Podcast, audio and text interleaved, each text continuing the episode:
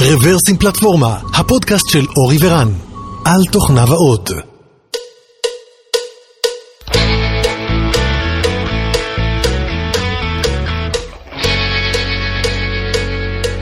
שלום וברוכים הבאים לפודקאסט מספר 403 של רוורסים פלטפורמה. התאריך היום הוא השני למרץ 2001. לא, 2021. תקשיב, אני חייב להגיד אה, שהיום הכנו פה את ה setup, ותמיד הבן הקטן שלי עוזר לי, ואמרתי לו, שחר, אתה יודע שהתחלנו להקליט את הפודקאסט הזה עוד לפני שנולדת. אמר לי, מה? כל כך הרבה זמן? אז הנה, חזרנו בזמן, כן, כן. זה לגמרי היה brain fart שלי. קיצור, אנחנו ב-2021 למי ששומע את זה אה, בעתיד, ואנחנו באולפנינו הקט אשר בכרכור, בביתו של אורי, אז היי אורי. אהלן אהלן. ומארחים את נתי, היי נתי. אהלן, טוב להיות פה פיזית. ברוך הבא. וואו, אה, כן, אנחנו- עבר הרבה זמן. לא בזום, איזה כיף. אנחנו שוב בתקופה שבין הסגרים, אה, ואת נתי אנחנו מארחים שוב בפעם ה-30 כנראה, בפרק אה, נוסף של הקרבורטור. 30? וואלה. כן, אז אה, יש לי counter שסופר, וואלה. לפחות 30, כן. אז uh, אתם בוודאי מכירים את נתי, uh, אז בואו ישר ככה נצלול לעסק. Uh, נתי אוהב לדבר ויודע ומבין הרבה בכל מה שקשור לתשתיות, והיום אנחנו בעצם רוצים uh, לדבר איתך, נתי, על הגל החדש של הדב-אופס. הנושא או המילה DevOps זו מילה שכבר שגורה, אני חושב, בפי רבים, אבל uh, יש חדשות בתחום הזה. אז בוא, בוא ספר לנו מה, מה מעניין שם.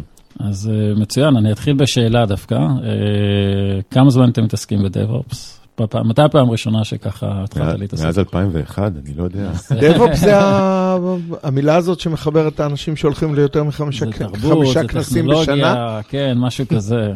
כן, אני חושב שכנראה הפעם הראשונה שהכרתי את זה זה פו, 2011, 2010, מתי זה זה, היה? זה בערך, אני חושב, אה, קלנדרית, אני חושב שזה בערך התקופה שבה זה התחיל לגדול. כן. מי היו ה- המאמצים העיקריים של DevOps? איזה חברות? אז אוקיי, אז היה את פאפט ואת שף, שהם ככה היו נכון. מובילי דעה.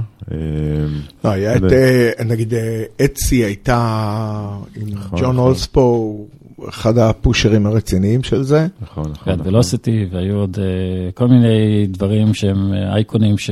עשיתי ככנס. נכון, Velocity ככנס, כן.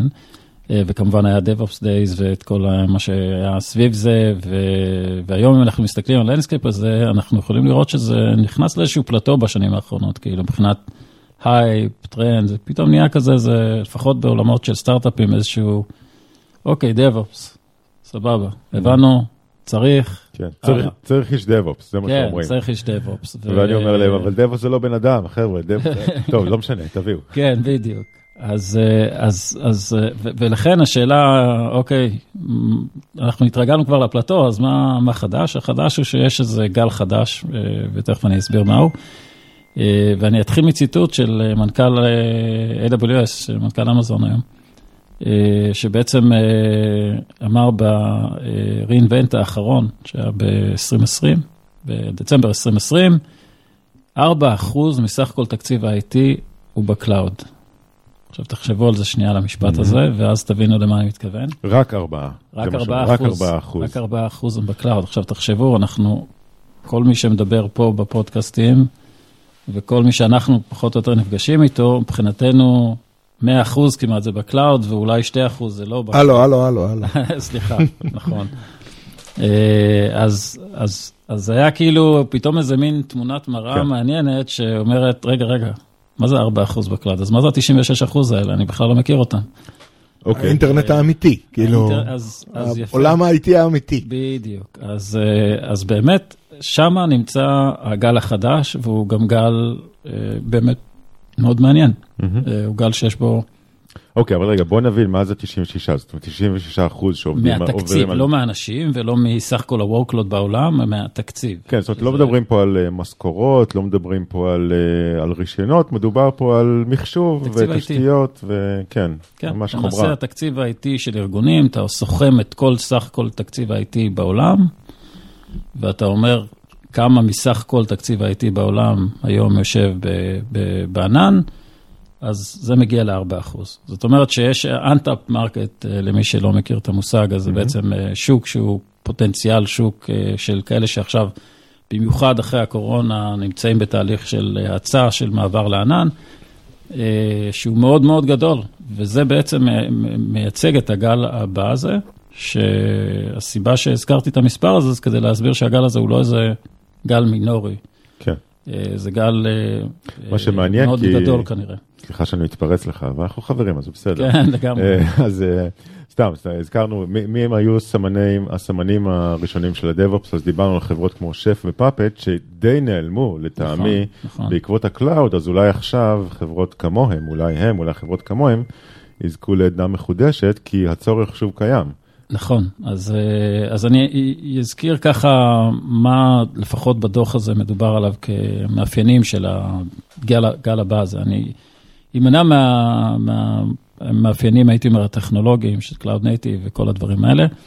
אה, יש כמה מאפיינים, אחד זה ה-regulated business, מה שנקרא, או הם קראו לזה בדוח ה-non-tech business. non-tech לא במובן שהם לא, אין להם טכנולוגיה, non-tech במובן שה business עצמו הוא finance, mm-hmm. הוא industrial, כן. הוא לא פייסבוק ש... או גוגל, כן. ש... שזה ייעודם. אבל דווקא זה... אולי אני קצת מקדים את מה שאתה הולך להגיד, אבל כאילו דווקא המקומות האלה שה business שלך הוא לא הטכנולוגיה, או ה-core competence שלך הוא לא הטכנולוגיה, זה דווקא יותר make sense ללכת לשירותי SaaS ו... אז למה זה לא קרה עד עכשיו? אני לא בטוח שזה, אולי כי זה שזה לא עסקים. קרה, אבל זה... זה לא, זה לא קרה בעצימות אפילו גבוהה, זאת אומרת, זה כן היו איים וכן התחלות ודיברו, וכולם אוהבים לדבר על זה, אבל אם אתה בודק עדיין בכמות ה-workload שנמצאת היום בבנק, כמה אחוז ממנה... אני יכול לנחש, אני יכול לנחש למה זה לא קרה, לא קראתי את אוקיי. המאמר. אבל אה, זאת אומרת, מצד אחד, אורי, אני חושב שאתה צודק, זאת אומרת, אה, דווקא להם זה הכי הגיוני שהם יעברו. נכון, זה לא הביזנס שני- שלך, אתה לא נ- נכון, עושה נכון. כסף מה-IT הזה. נכון. מצד שני, אה, זה לשנות סדרי עולם, זאת אומרת, זה לשנות את הדרך שבה הם פעלו עד עכשיו, ויכול להיות שאו שזה ארגונים שהם קצת יותר ותיקים, או שדווקא בגלל שטכנולוגיה זה לא הצד החזק שלהם, אז הם הולכים על הבטוח, הם הולכים על המוכר, לוקחים את האנשי ה-IT שיודעים לעשות מה שהם יודעים, וזה לא ענן. מעניין לא- גם, יש, לפעמים יש דברים, שיקולים שאנחנו לא חושבים עליהם, כמו יוניונים. אז א', יש ג'וב סקיורטי, מה שאתה קורא להם עניינים, שבאמת אה, יש לאנשים די ג'וב בסוף, והם, והדבר הזה מאיים עליהם, וזה בהחלט מייצר אה, קונפליקט של אה, אינטרסים בין אה, טובת, לצורך העניין, הארגון, לבין אה, צורת התנהלות.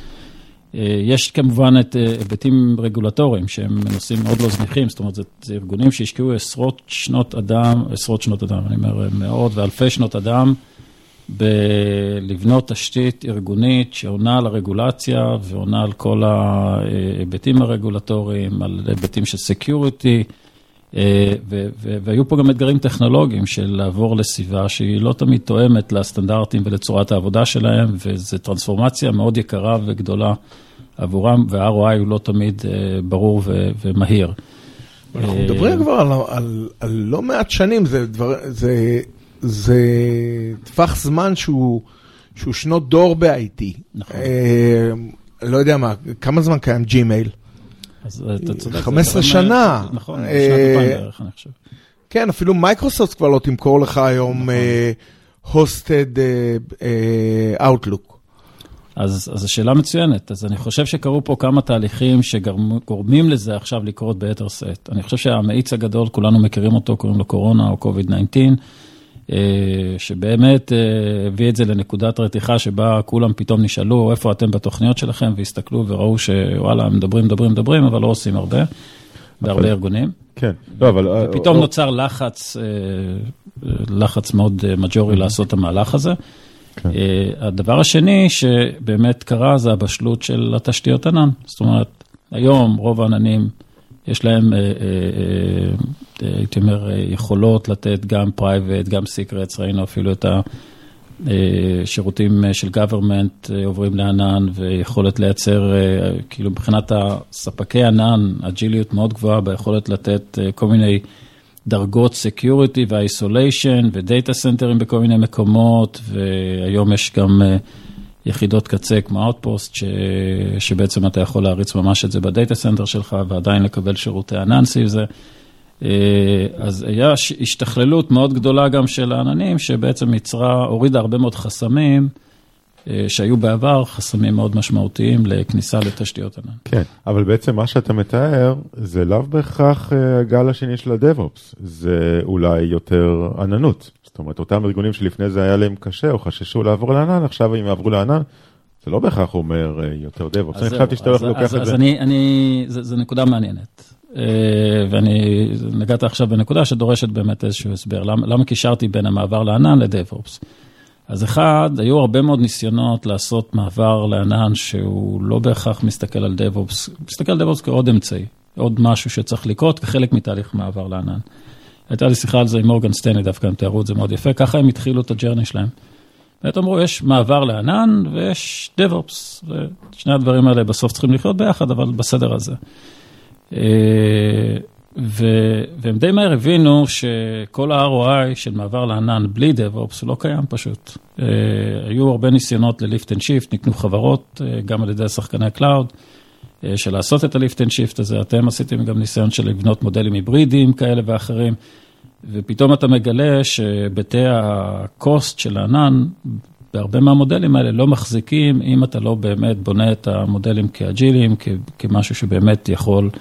להיות מנוהל באופן לגמרי אוטומטי, ואם אין לך מנגנוני בקרה מספיק טובים, אז אתה תגלה שאפילו עלות יותר גדולה ממה כן. שרצת בעבר. אה, ואז הנושא הזה של אה, מעבר לענן בלי, בלי פתרונות אוטומציה ובלי טרנספורמציה של לעבור גם לאוטומציה, הייתי אומר, כן. מתקדמת, הראה שה-return investment הוא שלילי אפילו. אז זה לא ש... ולכן לא- נוצר צימוד מאוד גדול בין מעבר כן. לענן לאימוץ אה, תשתיות. שלילי אפילו זה understatement. זה understatement לגמרי, כן. כן, אז זה לא שאותם 96 אחוזים החליטו, באו ואמרו, אוקיי, בואו נשאר עם, ה, עם אותה data center שיש לנו, רק נכניס לתוכו DevOps, זאת אומרת, זה, זה לא מה שקורה, לא. או לפחות זה לא משהו משמעותי, אבל 96 אחוזים, או איזשהו חלק מהם, עובר לענן ומגלים שלעשות את זה בלי אימוץ של, אה, אה, נקרא לזה DevOps למיניהם, אה, זה פשוט לא משתלם. נכון. שזה קצת פרדוקס, כי אם תיקח ובתוך ה data center שלך, תפעיל מתודולוגיות של, של DevOps, של monitoring, של אוטומציה, של... תגיע כל... ל efficiency דומה. ת, תגיע ל efficiency מאוד מאוד גדול, ואז כשתרצה לעבור לענן, עוד פעם המודלי... אה, ענן יהיו יקרים יותר. יהיו יקרים יותר. נכון ולא נכון, והסיבה שאני אומר נכון זה כי באמת יש כמה סיבות לזה שבאמת אפשר להגיע ל efficiency יותר גבוה אה, בסביבה שאתה שולט בכל ה infrastructure עצמו, יש פה יותר בעיות של skill set, זאת אומרת, יותר בעיה של אה, איכות האנשים והיכולת שלהם להרים תשתיות כאלה. אבל זה, זה בדיוק העניין, אנחנו, אנחנו מדברים על skill sets. נכון, ורוב הארגונים אין להם את הכוח אדם, יכולת, וזה גם לא בהכרח ה business שלהם, כמו שאמרת קודם, להתרכז בזה ולהפוך את זה למשהו מאוד מאוד efficient, דורש אה, איכות מאוד מאוד גבוהה של ניהול, של תשתיות, של הבנה של תשתיות, של אה, לדעת איך להרים כזה דבר. מכיוון שלרוב הארגונים זה לא המיין ביזנס שלהם, הם גם לא יודעים להרים כאלה אופרציות באמת בצורה אפקטיבית mm-hmm. ויעילה, ושם הם נופלים, לא בגלל שזה לא נכון ברמה העקרונית, בטח לא התיאורטית. אה, אז, אז אחד, זה חלק מהבנה, ואני נתתי למשל את הדוגמה, אני חושב שהיא מייצגת באמת, זה הדוגמה של נטפליקס בבלוגבאסטר. למה זו דוגמה מצוינת? כי זה באמת מייצג את הטרנספורמציה הזאת, איפה היא מצליחה ואיפה היא לא מצליחה, וכמה רחוק אתה צריך ללכת כדי שהיא תצליח. יש כאלה שכרגע שואלים את עצמם, רגע, מה אמר בלוקבאסטר? מה זה בלוקבאסטר? בדיוק. נטפליקס נכון. אני יודע, אבל מה זה בלוקבאסטר? שאלתי את הילדים שלי את זה, הם לא זכרו בכלל מה זה. כן, אז למאזיננו צעירים, כן. למאזיננו צעירים, כן. קצת אה, נוסטלגיה. כן, אז בלוקבאסטר הייתה חברה להשכרת סרטי וידאו. למעשה גם נטפליקס וגם בלוקבאסטר התחרו על שירותי מדיה, למעשה סרטים אה, שהיית קונה ומשכיר. אה, ופעם זה היה ארוז ב-CDs, שגם לא בטוח כמה, כמה כל הדור הזה מכיר, אבל אה, פעם בעבר לא היה on demand. בוא נדע על האמת, עדיין רוב שנותיה של נטפליקס, היא הייתה שולחת סידים בדואר. נכון, נכון. כן. DVDs. אז, אז, אז, אז, אז פה, דוג... הסיבה שאני משתמש בזה, כי אני חושב שזו דוגמה טובה לטרנספורמציה ולמשקל. של, של החלק של המעבר לענן בטרנספורמציה הזאת, כי אני חושב שנטפליקס עשתה מהלך מאוד מעניין בהקשר הזה ו, ומאוד נועז, אבל הוא, הוא דוגמה מייצגת לכל הטרנספורמציה הזאת. זאת אומרת, מה שנטפליקס באה ואמרה עוד אה, באותו זמן, אוקיי, הבנו, אנחנו צריכים ללכת לשירותי on demand, אה, ואנחנו צריכים להריץ את זה על תשתיות שהדבר העיקרי שבהם זה שהם יהיו סקלביליות, שהן יהיו אה, זולות, ואנחנו נעשה את זה עם שותף שקוראים לו אמזון, במקרה הזה הם התחילו איתו, ואנחנו נדאג שהוא יתאים את עצמו אלינו במקומות שבהם זה לא, אה, אה, זה לא מתאים לנו או חסר לנו דברים, שזה למשל רשת ה-CDN ועוד כל מיני דברים אחרים שהם יתעסקו איתם. אבל הם הלכו all in על cloud, והם הלכו all in על לבנות אוטומציה, והם הלכו all in עוד הרבה הרבה לפני כולם. חברה מסורתית. שהצליחה לעשות טרנספורמציה, big time מה שנקרא. כן, אבל דרך אגב, אה, החברה הזו אולי מסורתית, אבל הם עשו טרנספורמציות כמעט בכל דבר, זאת אומרת, לא רק נכון. במעבר לקלאוד. אני חושב שכאילו, אה, אני קצת... קצת מכיר כי שאלתי אה, אנשים מנטפליקס, מה, למה? והם עשו כמה דברים נורא מעניינים. קודם כל הם אמרו, אם אתה מסתכל על, ה, על הקוסט מודל של נטפליקס, אה, אז אה, יש שם כמובן אה, משכורות, כן? יש שם את מה שהם שמו בשירותי ענן, שזה בעצם מחליף את, ה, את הדאטה סנטרים שלהם. אבל יש שתי קומפוננטות שהן הקומפוננטות העיקריות בעלויות של נטפליקס. הם רוב, רוב העלויות של נטפליקס, זה, זה נמצא שם, זה... CDN, שבעצם החליף את הבולים, אוקיי? כן. זה ה-delivery mechanism. נכון. אה, מעניין לחשוב על זה ככה, האמת. ורויאלטיז אה, לתוכן. לתוכן. ועכשיו צריך להסתכל על זה, כש, כשאלה העלויות העיקריות שלך, כל חיסכון שאתה עושה בעלויות האלה זה המון כסף על ה balance sheet של החברה. אם עשית את הניהול ב cloud או במערכת אה, יקרה יותר, זה לא, זה לא מזיז הרבה ל balance sheet, בסדר?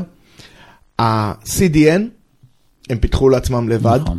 כדי להוריד המון המון מעלויות, ורואים גם מה, מה קרה אצלהם לרויאלטיז, לכל התכנים, הם פשוט התחילו לפתח תכנים לבד.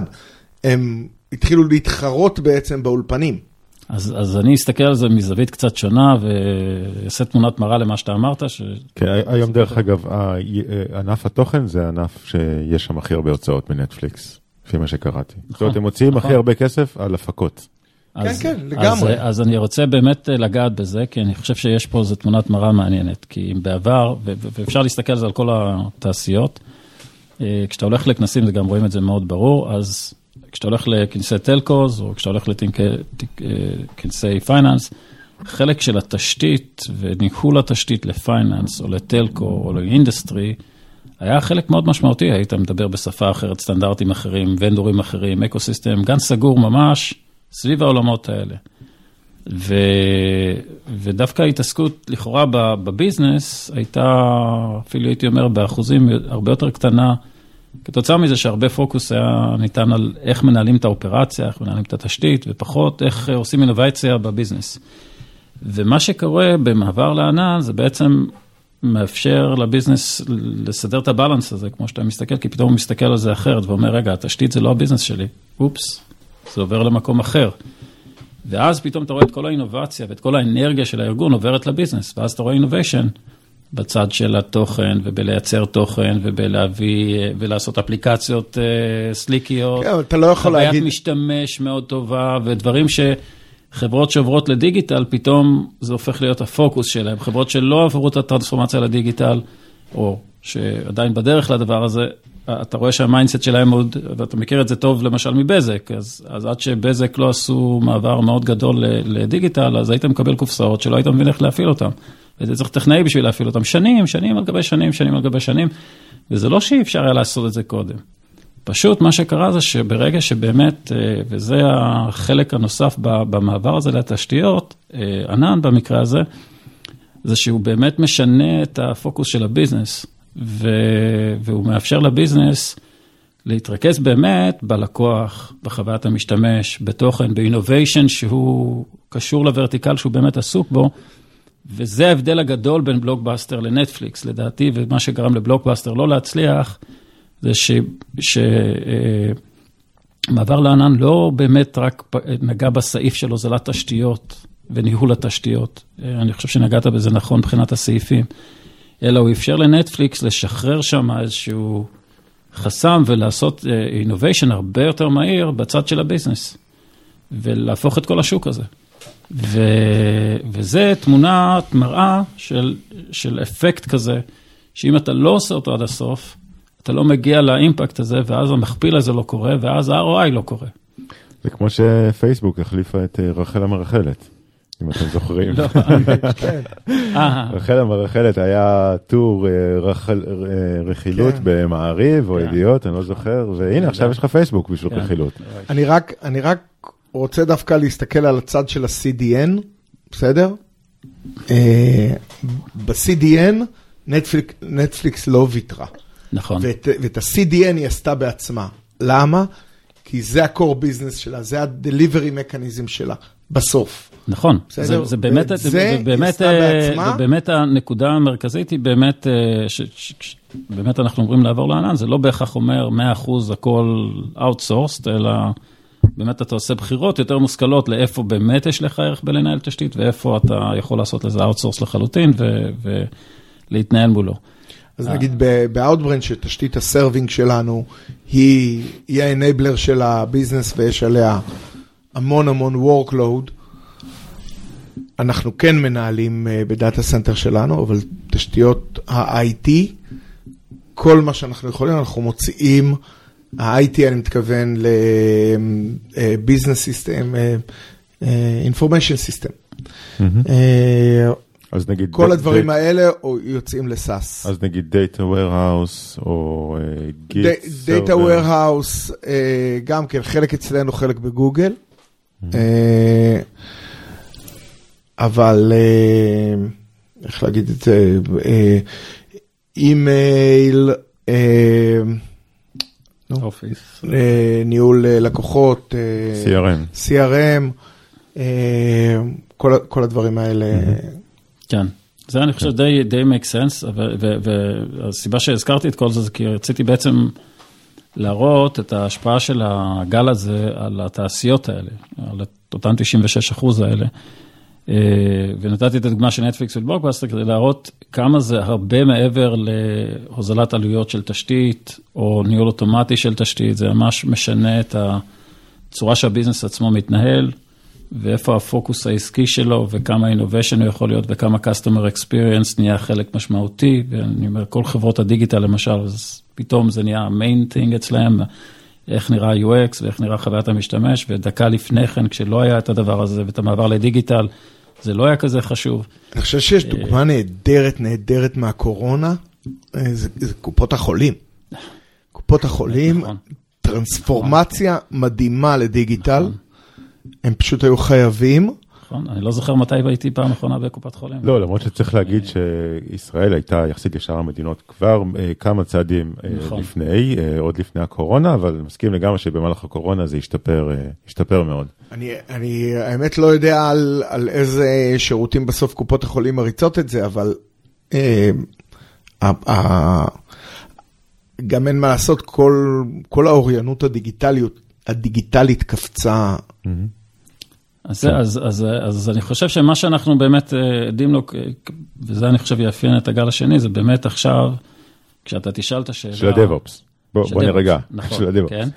אה, מה ההבדל בין אה, התשתית שבזק רצה עליה למה שנטפליקס רצה עליה, והאם היא צריכה להיות באמת שונה? והתשובה תהיה כנראה לא.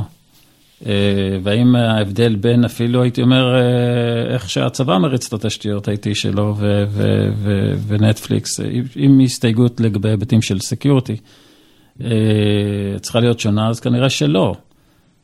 ואותו דבר גם בתעשייה של חברת חשמל ושל כל מה שנקרא תעשיית ה industrial, ה manufacturing וכל זה, כנראה שלא. ויש פה איזה תהליך שהוא גם, כחלק מהמעבר הזה, גם של פתאום קונסולידציה של הרבה מאוד תעשיות. עכשיו, תחשוב מה זה אומר. אה, ואני מדבר דווקא, ויסלחו לי אולי המאזינים, אני פחות מדבר על הטכנולוגיה היום, יותר על ההיבט אה, של הטרנספורמציה, כי אני חושב שהוא המאפיין הכי משמעותי פה. זה גם פותח פה משהו, ואנחנו סטארט-אפ nation, אבל זה פותח פה משהו שאם חושבים עליו, הוא פנומנלי מבחינת פוטנציאל, כי זה בעצם אומר שאם אתה חברת מוצר סטארט-אפ, בעבר למכור לשווקים הוורטיקליים האלה, מה זה אמר? זה אמר להיות נוכח, הרבה אנשי sales, להיות בכנסים, להיות במקומות, להיות בניו יורק או בכל מיני מקומות, ועכשיו אתה יכול לייצר מוצר גנרי, slash טרפורם או whatever. שנבנה לתשתיות ענן, ואוטומטית הוא כבר okay. אוקיי. זמין לשוק הרבה יותר גדול. זו בדיוק השאלה הבאה, אז אותו גל שני שאנחנו מדברים עליו, האם אנחנו, ו, ונניח שבאמת אותם 96 אחוזים, או איזשהו אה, חלקיק מהם, הולך לעבור ל cloud, יאמצו טכנולוגיות או מתודולוגיות של DevOps, האם אתה רואה אה, שה providerים שקיימים היום, פשוט יקבלו נתח שוק יותר גדול, או שאתה רואה בעצם אה, תולדה של providerים חדשים, של כלים חדשים? התשובה היא גם וגם. נטפליקס אה, היא דוגמה מצוינת, כי זה בדיוק דוגמה לזה שגם שחקן מסורתי הוא יכול להיות סטארט-אפ, אה, ואפילו יותר מסטארט-אפ מהבחינה הזאת. אז אני חושב שהתפיסה שעד היום הייתה זה שהתעשייה המסורתית היא דינוזאורים וסטארט-אפים פשוט יודעים לרוץ יותר מהר, אז הם ישיגו אותם ובנו, והיוניקורן הבא תמיד יבוא מסטארט-אפים. אה, תפיסה שצריך אה, לערער עליה קצת, כי אני חושב שהתובנה הזאת היא חלחלה, וארגונים הגדולים כבר יודעים לעשות את העבודה, וארגונים פיננסיים, יש להם לא מעט אנשים טובים ו innovation, וכולל... אפילו קופות חולים. קופות חולים זו דוגמה מצוינת, כן, בהחלט. אה, בנקים, יש להם לא מעט אנשים טובים שיכולים לעשות טרנספורמציה וכן להדביק איפשהו את הפער, וחלק מהם יהיו הנטפליקס, ורבים מהם יהיו הבלוקבאסטר. אז, אז לא, הייתי, לא הייתי מספיד את כולם כדינוזאורים, ולא הייתי אומר שהדבר הבא יבוא רק מאיזה סטארט-אפ יוניקורני חדש, אבל תהיה פה דינמיקה מאוד מעניינת בין סטארט-אפים שיאתגרו את התעשייה המסורתית, אה, ארגונים כמו החברות האלה, שחלק מהם כן יאמצו גישת נטפליקס, ויהיו שם את האנשים שיובילו טרנספורמציה כזאת, אבל יהיו הרבה הרבה הרבה הרבה הרבה בלוקבאסטרים, הרבה יותר מאשר האחרים, ויהיה פה שינוי מאוד מאוד גדול בהיבט הזה של... הרבה מאוד חברות, כמו שראינו בתעשיות אחרות, הרבה מאוד חברות שהתכווצו משמעותית או ייעלמו מהעולם כתוצאה מזה. כן, לא, שני. אבל אני, אני שואל, כן. מה, מה שאני בעצם ניסיתי לשאול זה אם כן. אתה רואה בגל השני use cases חדשים שלא היו קיימים בגל הראשון ו- ודורשים פתרונות חדשים בתחום ה-DevOps. בטח, בטח. אז אה, בוא ניקח אה, דוגמה, תעשייה שאני מתעסק איתה הרבה, שזה תעשייה כנטוורקינג והטלקוס. אז, אה, אז כולנו מכירים את העולם של ה-5G, ואני אשים שנייה בצד את כל הקונספירציות לא, מאחורי זה, אני כבר אומר לכם... אבל כבר דיברנו על קורונה. אנחנו בקרקור, אתה תחת השפעת נכון, קונספירציות נכון, יותר נכון, מאשר ה-5G. אז אה, אני אומר, זה, זה די קשקוש למי שכן מכיר את התחום, אבל אה, נשאיר את זה במגרש הזה כרגע, אני לא רוצה להיכנס לשם. המחשבה על זה שעכשיו האנטנה שאתם רואים בדרך היא גם משאב מחשוב, אה, ומה שרץ עליה זה קונטיינרים וסופטוור, ואני יכול בעצם אה, להריץ שם אה, כל מיני אוגמנטד ריאליטי ועוד כל מיני אפליקציות אחרות, ואותו דבר אנחנו רגילים כבר לראות במכונית שלנו והווי-פיי שלנו, שכל הרכיבים האלה בעצם הופכים להיות כמו עוד תשתית ב-IT שלנו. זה, זה משהו שכבר אנחנו רואים את ה... את החדשנות מאחוריו.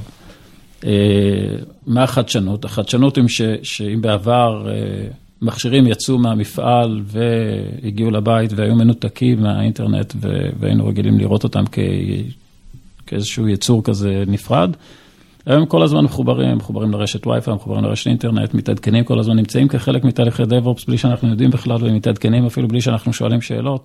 הטלוויזיה שלי כל הזמן מתעדכנת. כן, לפעמים זה קצת מפריע לילדים וזה, לראות. ו- ועכשיו, זה שמתעדכנים זה עוד משהו אחד, שזה כבר מהפכה בעיניי, כי זה פותח פה פתח להרבה מאוד דברים שלא היו קודם, אבל, אה, אבל אנחנו גם מייצרים פידבק לופ, אה, דרך זה שיש לנו חיישנים, ודרך זה שיש לנו מצלמה, ודרך זה שאנחנו יודעים פתאום, והדוגמה הטובה זה לכל האפליקציות ספורט האלה.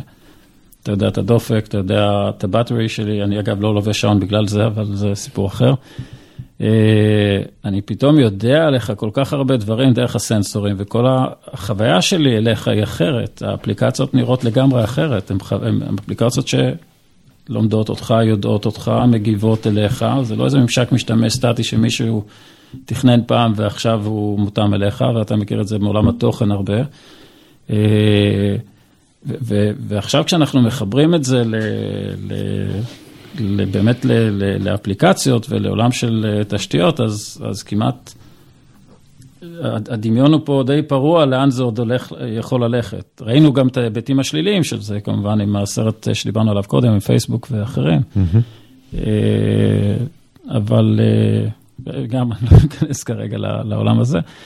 אבל זה בהחלט פותח פה פתח לחשיבה אחרת, לאיך חושבים על אוטומציה, מדברים הרבה על AOPS, ואיך באמת אה, מייצרים בינה מלאכותית כחלק מתהליכי אוטומציה, ואנחנו מדברים הרבה על תהליכים שבהם, איך אני מייצר סקריפטים של אוטומציה בלי שאני אצטרך לכתוב אותם, זאת אומרת שתהיה איזושהי מערכת שיודעת לעשות דיסקאברי, להבין איך נראית סביבת רפרנס, וממנה לייצר את האוטומציה, ואז להגיד, אה, אני רוצה סביבה דומה באז'ור, אוקיי, אז אני אמצא את ה...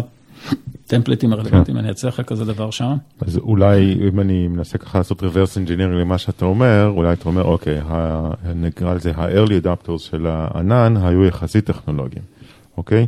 עכשיו ה-late adapters מגיעים, והם צריכים כלים שקצת יותר מלטפים אותם, כלים שהם קצת פחות קשוחים, שיותר עוזרים להם להגיע לענן ולדב-אופס, ועכשיו אנחנו אומרים את זה ככה בנשימה אחת, אה, נכון שזה שני דברים שונים, אבל אתה, אתה קושר אותם ביחד. נכון. אה, ולא, הם לא יריצו שף ולא יריצו פאפט וגם לא יריצו טרפורם.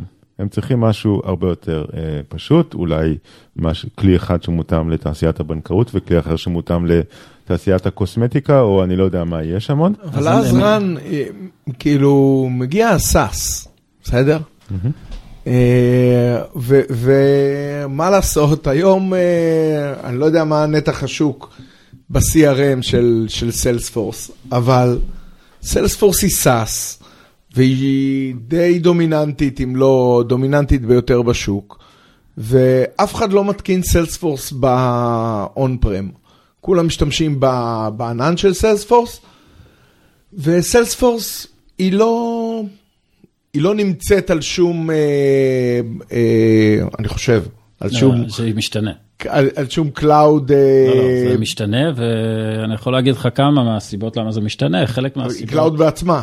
נכון, אבל חלק מהלקוחות של הגדולים, אה, כאילו, זה כבר נהיה מאוד חשוב גם, אפילו לשחקנים כמו סיילספורס, איפה התשתיות שלהם רצים, רצות. אה, וכן יש דרישה של לקוחות להגיד, אני רץ באז'ור ושם יש לי את כל ההיבטים של הרגולציה, אני רוצה שאומנם אתה רץ ב cloud שלך, אבל שה data ירוץ באז'ור, כי שם ה data שלי נמצא ואני לא רוצה שהוא יהיה במקום אחר, כי אני לא יודע לדאוג לו, ומבחינה רגולטורית אני לא יכול לדאוג לו גם. כן. אה, אז, אבל... אז יש להם דרישה כזאת, ואתה רואה אגב, גם חברות SaaS פתאום עובדות במודלים כאלה של multi-cloud, זאת אומרת, יש להם את ה data centerים שלהם. לצרכים של efficiency במקומות, כמו שתיארת עם אה, CDN, במקומות שבהם זה באמת make sense, אבל הם מתחילים כן לעבוד במודל היברידי, שבו הדברים שהם לא ב-core business, או לחילופין, דברים שכן קשורים ל data שהוא רגיש ללקוח, ולקוח היה רוצה אותו קרוב אליו, אז שם הם מתחילים לעבוד במודלים יותר היברידיים.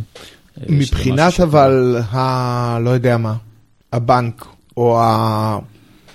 חברת הגז, או לא משנה מה, הם, אותם זה לא מעניין. הם מקבלים מ... אה, הם מקבלים מסיילספורס שירות CRM, וזהו. אז אני אומר, זה, חלק מהם זה כן מעניין אותם, מהסיבה שהמידע של הלקוח הוא משהו שהם מחויבים אליו. לא, ואיפה הוא אני, יושב הם מחויבים אליו. אני ו... מבין את זה, אבל אז ב... לכן אני אומר ביום שה... יום של איש ה-IT, לא, לאיש ה-IT אולי זה, זה לא זה, אבל אני אומר, סיילספורס עוברת עכשיו תהליך של להעביר הרבה מאוד מהתשתיות שלה כן לענן. אה, בדומה אגב למה שאתה תיארת קודם שאתם עושים, זאת אומרת, כן יש פה אה, גם, אה, גם הסתכלות על הדבר הזה, אבל זה לא, זה לא מרכז הדיון היום. זאת אומרת, מרכז הדיון שאמרנו, זה קורה הגל הבא, הגל הבא הוא מאפיין, המאפיין שלו זה אותם 96 אחוז שלא נמצאים היום בענן. אותם 96 אחוז, ואני שנייה רוצה להתכתב עם מה שאמרת קודם, אה, רן, לגבי הליטוף והשונות שם, זה חברות שהן לא גרינפילד, יש להם אה, דברים שהם כבר פיתחו והשקיעו בהם אה, הרבה מאוד זמן. אם היה מחשבה שהם תוך שנתיים עוברים וסוגרים את הדאטה סנטרים שלהם ועוברים לענן, זה לא יקרה גם, זה גם חלק מהתובנות שיש לדבר הזה. אז קורים פה תהליכים שהם, הייתי אומר, יותר מדו-סטריים, אני חושב שאפילו תלת-סטריים. טרנד אחד שהוא להגיד, אוקיי, אני צריך להעביר דברים לענן. טרנד שני שאומר, אוקיי, אני לא יכול להיפרד מה on-prem שלי והתשתיות האלה ביום אחד, זה ייקח כמה שנים טובות עד שהקונסולידציה הזאת כן תקרה. המשמעות של המשפט השני אומר שאני כן צריך לעשות מודרניזציה לתשתית הקיימת, אני לא יכול להרוג אותה, צריכה, ואני רוצה שהיא תראה כמה שיותר קרובה לצורת עבודה שלי בעולם הציבורי, כי אחרת זה נהיה שעטנזי בעייתי. והטרנד השלישי זה מה שאמרת, זה שלא כולם בארגונים כאלה יודעים לעשות Infrastructure as Code, ויהיו מפתחים שכותבים קוד בפייתון או ביאמל או בכאלה דברים, ו, ולכן אתה צריך איזשהו מודל יותר, קראת לו מלטף, יותר היברידי, זאת אומרת שיש בו גם את הצד ה-No code, נקרא mm-hmm. לו, וגם את ה-as code. ו, ושניהם יכולים לחיות צד, אחד לצד השני, כי יהיו כאלה שיבואו ויגידו, וואלה, רק תפעילי את הדבר הזה, אני רוצה את הקליק ולהפעיל אותו, ויהיו כאלה שיבואו ויגידו, אני רוצה את זה חלק מה-CICD pipeline שלי, כי אני לא רוצה לדבר עם אף אחד בדרך, וככה אני רגיל לעבוד ויעשה את כל תהליך כן. האוטומציה שלי. אז ככה, לקראת סיום, בוא נעשה נבואה. עוד לא עשינו נבואה היום, נכון? לא, עסקנו בנבואה פה כל ה... כן. אני בכלל בקורס נביאים נפלתי בשלב שלישי. בנביאים ראשונים נפלתי. כן, נביאים. אמ, אז, אז ככה, הענן התחיל כמה? לפני נגיד 15 שנה? give or take? כן. משהו כזה. אז 100% מה-workload היה כן. uh, on premise, נכון. אוקיי? 15 שנה אחרי זה, 4 אחוז, 96 אחוז מה-workload הוא on premise. מהתקציב, לא מה-workload. מה, סליחה, מהתקציב, סליחה. מה יהיה בעוד 10 שנים? שאלה מצוינת. א', אני חושב שבאמת האחוזים התהפכו. אני חושב שכן 96 אחוז ירוצו. כן, אתה חושב שעוד 10 שנים נגיע לאינפלקשן פוינט? אני... אוקיי, מעניין. אני נוטה לחשוב שכן, אני חושב שבעיקר בגלל מה שקרה עם קוביד, אני חושב שזה היה אירוע אירוע שגרם להרבה ארגונים לעשות פה איזה שינוי הילוך אה, מאוד משמעותי. Okay. אני חושב שזה יתאפשר רק אם תהיה קומודיטיזציה של השירות הזה ומחירים ירדו למחירים שפויים. אה, אני, אני מאמין שזה יהיה סייד אפקט של המהלך הזה, כי אני חושב שיש פה תחרות עכשיו, יותר מאוזנת. אה, עדיין, אה, זה, איך זה נקרא? לא מונופול. זה דואופול או טריופול. כן, זה, זה קצת קרטל, כן, אוקיי? זה... נכון. כן. זה, המחירים די מושווים. אבל כשאני מסתכל על רוב הארגונים, היכולת, שוב פעם, אני אומר, זה... זה מקרה ייחודי מהבחינה הזאת. זאת אומרת, היכולת של הארגונים להדביק את הקצב ולבנות משהו שהוא מקביל למה שהשחקנים האלה יודעים לתת, הוא עד כמעט לא קיים. אה, אבל כן, אני חושב שילכו למודלים יותר משוכללים, שזה באמת להגיד איפה ה-core business שלי, איפה אני כן הייתי רוצה להשקיע בתשתיות, ואיפה הדברים שאני עושה הם לא כאלה קריטיים ואני יכול לקחת... אבל אז השאלה היא, האם זה באמת יהיה 96-4? לכיוון השני. לא, חד משמעית. כי אם ה-core לא business עדיין יישאר אה, לא במקום הזול. אני חושב, ש... אני חושב שיש פה, אני מדבר על התעשיות האלה שרובם הם נאנטק, זאת אומרת, הם לא מוכרים טכנולוגיה. אוסם, תנובה, קופת חולים. הם מוכרים בסוף שירותים. אבל אתה יודע, אוסם, תנובה, קופת חולים, רוב מה שהם עושים, אה, הוא, לא רק שהוא לא ה-core business, רוב ה-IT שלהם יכול להתמך בסאס. אז עוד יותר. הוא, לא, הוא לא צריך... הסיבות שזה לא נתמך בסאס, כי תמיד עדיין יש את הניואנסים שהם ייחודיים להם, או לפחות היו, ובאמת זה, זה הולך ומצטמצם. כנראה אבל ש... כנראה שענן לא, אתה יודע מה, אני לא רוצה להתנבא בזה, אבל לא, לא יחליף להם את ניהול הקו ייצור, כי הקו ייצור הוא פיזי. נכון. אצלהם. נכון, ולכן אני חושב שהם לא יוכלו להימנע ממשהו on prem שירוץ ועליו זה יהיה. אה, פה נוצר, אה, הייתי אומר, המודלים ההיברידיים שה cloud אפילו תומך בהם. אני אתן את הדוגמה של Outpost, כי זה מה שאני עובד איתו הרבה לאחרונה. אה, נניח, אתה אורי, כשאתה הרצת את ה data center שלך, זה היה לקחת hosted business לעומת אמזון ולבנות איזשהו משהו שהוא פה מתנהג בצורה אחת, ב on prem, וב cloud מתנהג בצורה אחרת לגמרי, ואיכשהו לתפור את הדבר הזה. אה, באים אמזון ואומרים, אוקיי, תתקין איזה rack אצלך, שיש בו EC2, אבל הוא אצלך, וה cost שלו יכול להיות גם fixed, אתה לא חייב לשלם on demand בכלל. אתה יכול לשלם אותו on demand, אבל הוא יכול להיות פיקסט, בדיוק מהמודלים העסקיים שאתה מדבר עליהם, אולי לא באותם אופטימיצציות, אבל כבר לא רחוק מזה. אבל היתרון הוא שמבחינת תשתית, המיקום הזה יראה לך כמו עוד ריג'ן באמזון. וכל שאר הארגון שלך יכול לעבוד דרך ממשקי ניהול של אמזון. ו... כן, או שאתה, או שאתה עובד הפוך, כאילו, אתה לוקח את ה... אם יש לך Kubernetes, זה נותן את השקיפות לא הזאת סותר, לשני זה, הכיוונים. זה בדרך כלל אתה, אתה משלב בין הדברים, וגם כשאתה עושה את זה, אתה עדיין את ה-workload תריץ על Kubernetes, ו- וזה יאפשר לך גם את הפורטביליות בהקשר הזה. אבל אז מה שאני אומר זה, זה לשאלה, לשאלה הנבואית, אז אני, לטווח הקצר, אני חושב שהעולם יהיה מאוד היברידי, זאת אומרת, כן יהיה עדיין, בטווח של העשר שנים האלה של הטרנספורמציה, יהיו עדיין אה, אה, הרבה אה, דברים ב-on prem שיתחילו לעבור לענן, וה-on prem יצטרך לעבור מודרניזציה כדי שנוכל לראות באמת את הקונסיסטנטיות בין הסביבות האלה. חלק מהתפיסות, הייתי אומר, הן באות מהכיוון הענן פנימה, שזה אני חושב יהיה טרנד מרכזי. זאת אומרת, Azure עם Azure Stack, Amazon עם Outpost וכל החבילות שלהם. ולכן אני חושב שבטווח הזה, עד, עד עוד עשר שנים כבר אנחנו נראה את היחס הזה מתהפך בין 4% ל-96%. תגיד, מה יקרה קודם? 96% על הענן, או שיצליחו, ל... ל... שהקציצות שלנו יהיו מגודלות, לא מאשכרה פרות? זה, האמת שעשיתי פה טיול בקרקור לפני שבועיים. ואתה לא מדבר על עדשים. לא, לא. לא, לא, לא, כאילו... תקשיב, אל תלך רחוק לשם, אתה הולך נקרא לזה. בשר מתורבת, או... עשינו בשר פה. טיול אה, ליקוט בקרקור, לא רחוק מפה, ממש, אה, אני חושב, אה, כמה רחובות מפה אפילו. זה ייגמר ב-5G? זה לא ייגמר ב-5G, זה לא ייגמר ב-5G, זה ייגמר בחובזה וייגמר. ברח לי השם של ה... לא הקוב, אלא איזשהו שם אחר, לא זוכר כבר את השם של הצמח שם. אבל אם אתה שואל אותי, אז אין טעם ללכת רחוק למה שהתעשייה, אני אומר, תתחברו קצת לטבע שקרוב אליכם לבית, תגלו שאתם לא מכירים הרבה דברים, ויש הרבה דברים שהם אה, קרובים אליכם ואפשר לעשות איתם הרבה יותר. זה לא קשור בכלל לדיון שלנו היום. אגב, נתי, זה אני- קשור אולי לקוביד. אה, אני עושה טיולים עם הכלב גם בכמה רחובות מכאן, אז אני לא יודע מה לקראת אותם. בסדר, זה, זה נושא לדיון אחר נראה לי. טוב, יופי, חברים. אה, אז אולי פרק הבא באמת נקדיש ל-5G וקורונה והקשר ביניהם. אתה יודע מה היה החזון שלי ב-5G או קורונה או מה שזה לא יהיה, שכשאני אעבור את מחלף אה, תות קוראים לו? כן, אין תות. המחלף הארור הזה? אין תות, כן. כן, אין תות, אין תות. תעבור ש- מימד. לא, שהוא יגיד. לי, נתי, אתה בשיחת טלפון, אבל אתה צריך ל... ל- ל- לזה, והוא והוא יזיז אותי ישר לתוך הנתיב הנכון. אה, והוא מחלף יגרום לי- הקודם, אין כן. עירון, אין עירון, כן. אה, אין כן, עירון. אין עירון, אה, כן. אז אני, אוקיי, הבנתי. מחלף עירון. מי שלא מכיר, אז אה, פספסתי פה ב-20 דקות את הפגישה, אז אה, יש לי תירוץ.